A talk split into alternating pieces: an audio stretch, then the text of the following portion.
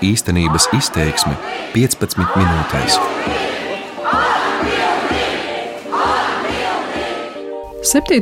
novembrī pie saimas nama pulcējās mediķi un viņu atbalstītāji, prasot piešķirt likumā ierakstīto finansējumu algu pieaugumam.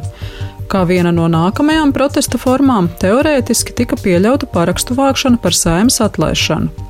Kamēr mediķi vēl apsvēra, viņu ideju pārķēra citi, iesniedza iniciatīvu, un trīs nedēļas vēlāk jau ir parakstījušies aptuveni 38 tūkstoši. Kas ir cilvēki, kas mediķu vārdā vāc parakstus, un kādas intereses viņi patiesībā pārstāv? To kopā ar kolēģiem analizējām Rebaltika faktu pārbaudas projektā Rīčeka. Mani sauc Evita Puriņa, esmu Rīčeka redaktore. Šodien runāšu arī par mītiem, kurus politiķi izplata saistībā ar pašvaldību reformu, un izstāstīšu par salacgrīvas šprotu ceha strādnieci Līviju, kura pašai negribot kļuva par Kremļa propagandas seju. Taču vispirms par parakstu vākšanu. Vai veselības aprūpe politiķiem patiešām ir prioritāte? Ja atbilde būs negatīva, Tad ir jautājums, vai mēs varam turpmāk uzticēties saimai, kura neņem vērā valsts iedzīvotāju vairākumu viedokli par budžeta prioritātēm. Tas ir Latvijas veselības un sociālās aprūpes darbinieku arotbiedrības priekšsēdētājs Valdis Keris oktobra beigās. Viņa vadītā organizācija bija pirmā, kas ierunājās par iespēju rosināt parakstu vākšanu. Taču tālākajai notikuma attīstībai ar mediķiem saistības bija maz. Ar iniciatīvu sākt parakstu vākšanu Centrālajā vēlēšana komisijā vērsās divas organizācijas - Centra partija un biedrība Varu Latvijas tautai. Šo biedrību vada Igors Lukjānovs. Mēdīju aprindās pazīstams kā cilvēks, kurš neaicināts ierodas uz dažādiem pasākumiem, lai tajos bez maksas pāēstu. Viņš ir arī interneta lapas protesti.lv redaktors. Tā tiražē Kremļa ziņu aģentūras Sputņika vēstis un citus Latviju nomelnojošus materiālus. Vairākiem Lukjānovu vadītās biedrības valdes locekļiem ir arī vēlēšanu pieredze.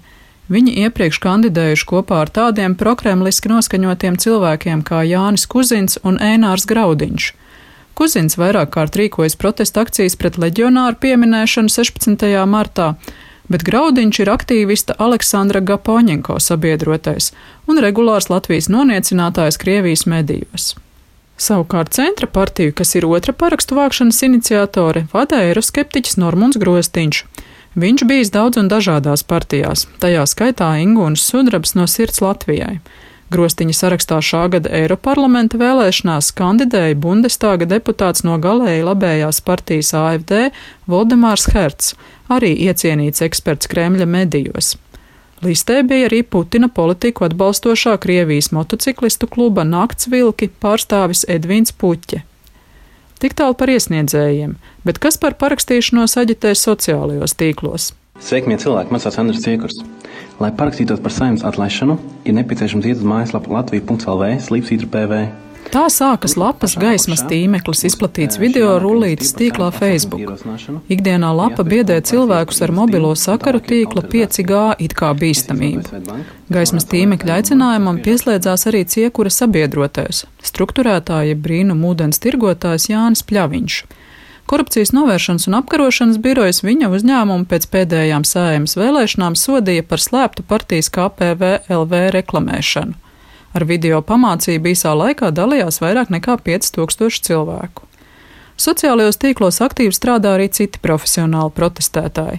Piemēram, Valentīns Jeremējevs, kas vēl pērn bija Latvijas zaļās partijas Rīgas nodaļas vadītājs. Viņš bija arī pie saimnes, kad tur notika mediķu pikets.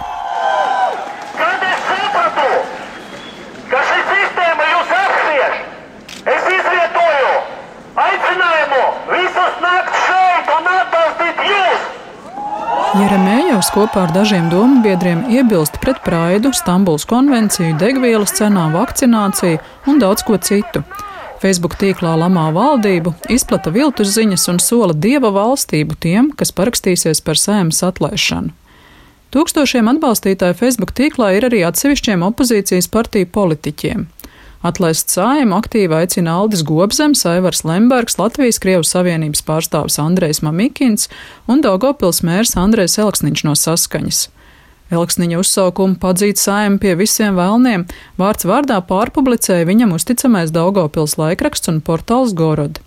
Tam tāpat kā vairākiem citiem Krievu valodā iznākošajiem mēdījiem ir aktīva pozīcija šajā jautājumā. Par parakstīšanos aģitē gan portāli Press un BB iepriekš vēsti, gan Kremļa finansētais Sputņika. Tātad laikā, kamēr mediķi vēl tikai domāja, vai ķerties pie tik krasas protesta formas, viņu vārdā par saimas atlaišanu aģitēja citi. Prokremliski noskaņoti radikāļi ar nerealizētām politiskajām ambīcijām, atsevišķi opozīcijas pārstāvi, brīnumūdens tirgotāji un krievu valodā rakstošie mēdīji. Ar viņu ierakstiem sociālajos tīklos dalījās tūkstošiem cilvēku, un tam ir rezultāts - parakstījušies ap 38 tūkstošiem cilvēku. Lai notiktu referendums par saimas atlaišanu, gan nepieciešams daudz vairāk - gandrīz 155 tūkstoši, bet parakstīšanās aktivitāte pēdējās dienās jau būtiski noplakusi. Tik tālu par mediķiem, bet tajā pašā dienā pie saimas nama piketēja arī pret pašvaldību reformu. Turpināsim ar mītiem, kurus politiķi izplata par šo tēmu. Reforma paredz līdz ar 2021. gada vietējām vēlēšanām pašvaldību skaitu samazināt no 119 līdz 36. Vienlaikus ar piketu pie parlamenta durvīm noritēja asas debates sēžu zālē. Ieklausījos dažos opozīcijas pārstāvju apgalvojumos.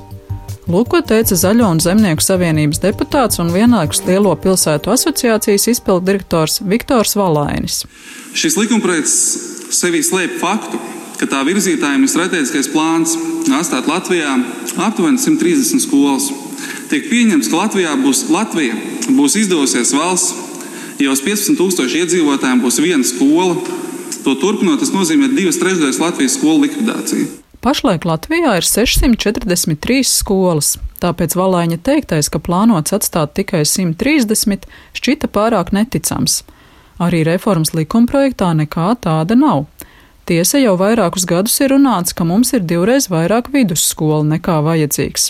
To skaits gan būtu jāsamazina līdz 130, pārējās pārveidojot par pamatskolām vai sākuma skolām. Zvanīju Valainim un jautāju, vai tiešām runa ir par visām skolām. Viņš atbildēja apstiprinoši un sacīja, ka to dzirdējis reformai veltītā diskusijā Zinātņu akadēmijā. Likumprojekta izstrādātāja uzskata, ka uz 15 tūkstošiem iedzīvotājiem vajag vienu skolu nu, tad varam pareizināt, cik skolas paliek un cik skolas būtu jāslēdz. Zinātņu akadēmijā tika minēts, ka tās divas no skolām. Nu, es ar šiem, skait, šiem te, šo informāciju arī operēju tālāk, un man ir visdziļākā pārliecība, ka tas tā arī ir. Valēnis piebilda, ka līdzīgi skaitļi minēti arī vienā no saimas komisijām.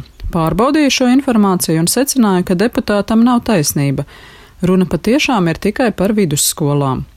Turklāt Valaiņa minētie skaitļi - atstāt 130, tātad likvidēt divas trešdaļas, liecina, ka deputāts nezina, cik skolu Latvijā vispār ir. To skaits ir daudz lielāks.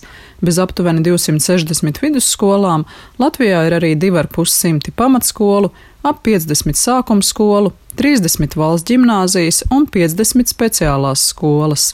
Tāda plāna atstāt tikai 130 nav. Tātad Valainis nerunāja taisnību.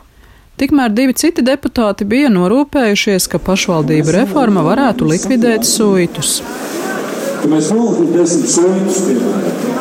Un kā tas vispār ir iespējams? Ja? Ka, ka. Tā piketā pie saimas apgalvoja pie frakcijām nepiedarošais deputāts Aldis Gobzems. Līdzīgi saimas sēdē turpināja Zaļo un Zemnieku savienības pārstāvis Armāns Krause. Ja mēs gribam saglabāt uh, identitāti, kultūru, vēsturisko telpu, kaut vai par suitiem runājot, tad mums ir jādomā citi mehānismi, kā mēs uh, neiznīcināsim to, kas latviešu tautai bijis svarīgs. Un kā arī pēc uh, 20, 50 vai 100 gadiem būs suitu sievas, kuras varēs atbraukt šeit lejā un uh, arī nodziedāt kaut ko. Taču administratīvu teritoriālās reformas likumprojekts neparedz nekādas izmaiņas kultūra vēsturisko tradīciju uzturēšanā. Nemainīsies arī finansējuma pieejamība folkloras kopām, biedrībām un citiem veidojumiem. Krauzes minētās suitu sievas, kas piketēja pie saimas, ir no Alsungas novada. Novada vadība vēstulē valsts augstākajām amatpersonām lūgusi apturēt reformas virzību. Taču arī viņu paustajā nav atrodamas bažas, ka reforma apdraudētu suitu pastāvēšanu. Tāpēc jautāju abiem deputātiem, kāds ir pamatojums šādam pieņēmumam. Gobsems nevēlējās atbildēt. Savukārt Krauze skaidroja, ka būtu pareizi atstāt suitus vienā administratīvajā teritorijā. Ja ir skaidri reformas kontekstā tiek izveidota suitu novads, piemēram, vai sēlīs novads, tad ir skaidrs, ka šī vēsturiskā kultūra, vēsturiskā identitāte, tas jau novada nosaukumā, un novads faktiski ir apvienots tāpēc, ka tur šo teritoriju apdzīvo konkrētie cilvēki. Ja viņš tiek sadalīts, viņš pazūd no kartes. Vienkārši tāda lieta nav. Tiesa suitu vārda arī pašlaik nav neviena novada nosaukumā.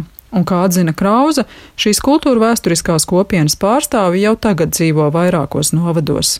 Kā un vai tas apdraud viņu pastāvēšanu, nav skaidrs. Pret reformu ir arī Latvijas pašvaldības savienība. Tās padomnieks Māris Pūķis sniedzis plašu interviju Limbažu novada pašvaldības izdevumā. Tajā viņš saka, ka Patiesībā šī reforma ir domāta tam, lai iztīrītu novadus no iedzīvotājiem. Eiropas Savienībā ir mobilitātes ieteikums, tātad brauciet uz tām zemēm, kur ir labāka dzīve. Tāda ir šīs reformas būtība. Citāta beigas. Vispirms puķim jautāja, kas tas par Eiropas Savienības mobilitātes ieteikumu, ar kuru viņa prāt saistīta reformas būtība. Nu, Eiropas Savienībā īstenībā īsti daļas gar to nav, protams, nekādas. Viņi vienīgais visādi labprāt redzētu mūsu darbspēku pie sevis. Tas ir skaidrs. Puķis vēlējies pateikt, ka vairāk lauku cilvēku pametīs savas dzīves vietas, jo reformas rezultātā līdzekļi, kas varētu būt pieejami to attīstībai, tikšot koncentrēti centros. Tur arī esot plānots veidot darba vietas, kas liks cilvēkiem pārcelties. Taču puķis arī atzina, ka ir sabiezinājis krāsas, Nekāda ļaundaru zeme, kurā valdība apzināti vēlētos iztīrīt laukus no cilvēkiem, Latvija nesot. Nē, nu, tur jau ir tā lieta, ka, nu, ja, ja, ja mēģina stāstīt par procesiem tā, ka ievēro visus faktorus, tad paliek sarežģīti un nekā nevar saprast. Ja mēģina stāstīt vienkārši, tad tas vienmēr ir kaut kāds pārspīlējums, nu izstāsta vienu to nu, raksturīgāko uh, momentu. Tas par pašvaldību reformu, bet nobeigumā izstāstīšu par salacgrīvas šprotu ceha strādnieci Līviju, kura netīšām kļuva par Kremļa propagandas seju. Jūs ko domājat par šo tēmu? виноватое. Только правительство. Рабочие хочет работать, а правительство хочет себе карманы набить. Это все. Tā cenšoties pārkliegt konservu ceha troksni, Krievijas televīzijā Vesti sūdzas Salacgrīvas konservu fabrikas brīvais vilnis strādniece Līvija Ostapčuka. Valdība ir vainīga, tikai valdība, Līvija saka. Cilvēki grib strādāt, bet valdība tikai piebāzt sev kabatas. Izvērstais sižets sākas ar stāstu par šprotēm, kā ieroci, kas varot gan nogalināt, gan izglābt Latvijas ekonomiku. Tam seko nostalģiskas atmiņas par citām precēm, ar kurām Latvija bijusi pazīstama Padomju Savienībā. To ražošanu Latvijas politiķi noesot iznīcinājuši. Gandrīz identisks vēstījums ir vēl vienam sižetam citā Krievijas televīzijā - TV centrs. Reportāžas nosaukums ir Latvija, Eirostrupceļš, un arī tajā redzama Līvija Ostapčuka. Сейчас она чуть хуже стала. Agrāk zivis bija labākas, sižetā stāsta Līvija. Tagad ir mazliet sliktākas kļuvušas. Tagad redzat, ir cits kūpinājums, balts. Agrāk bija tāds skaisti brūns, tagad to vairs nedrīkst.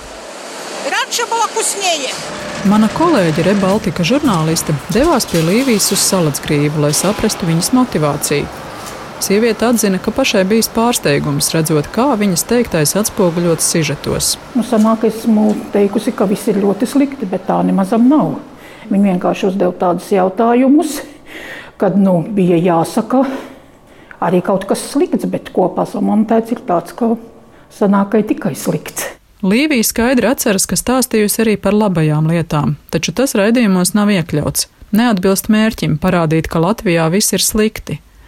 Propagandas spēku labi raksturo fakts, ka sižets noskatījušies pat sievietes radi Ukrainā. Līvija stāsta. Un prasīja, nu kāpēc šeit ir tik slikti. Jo es jau nesaku, ka ir šeit slikti, kad runājam pa telefonu. Bet sanāk, ka ir ļoti slikti pie mums zīme.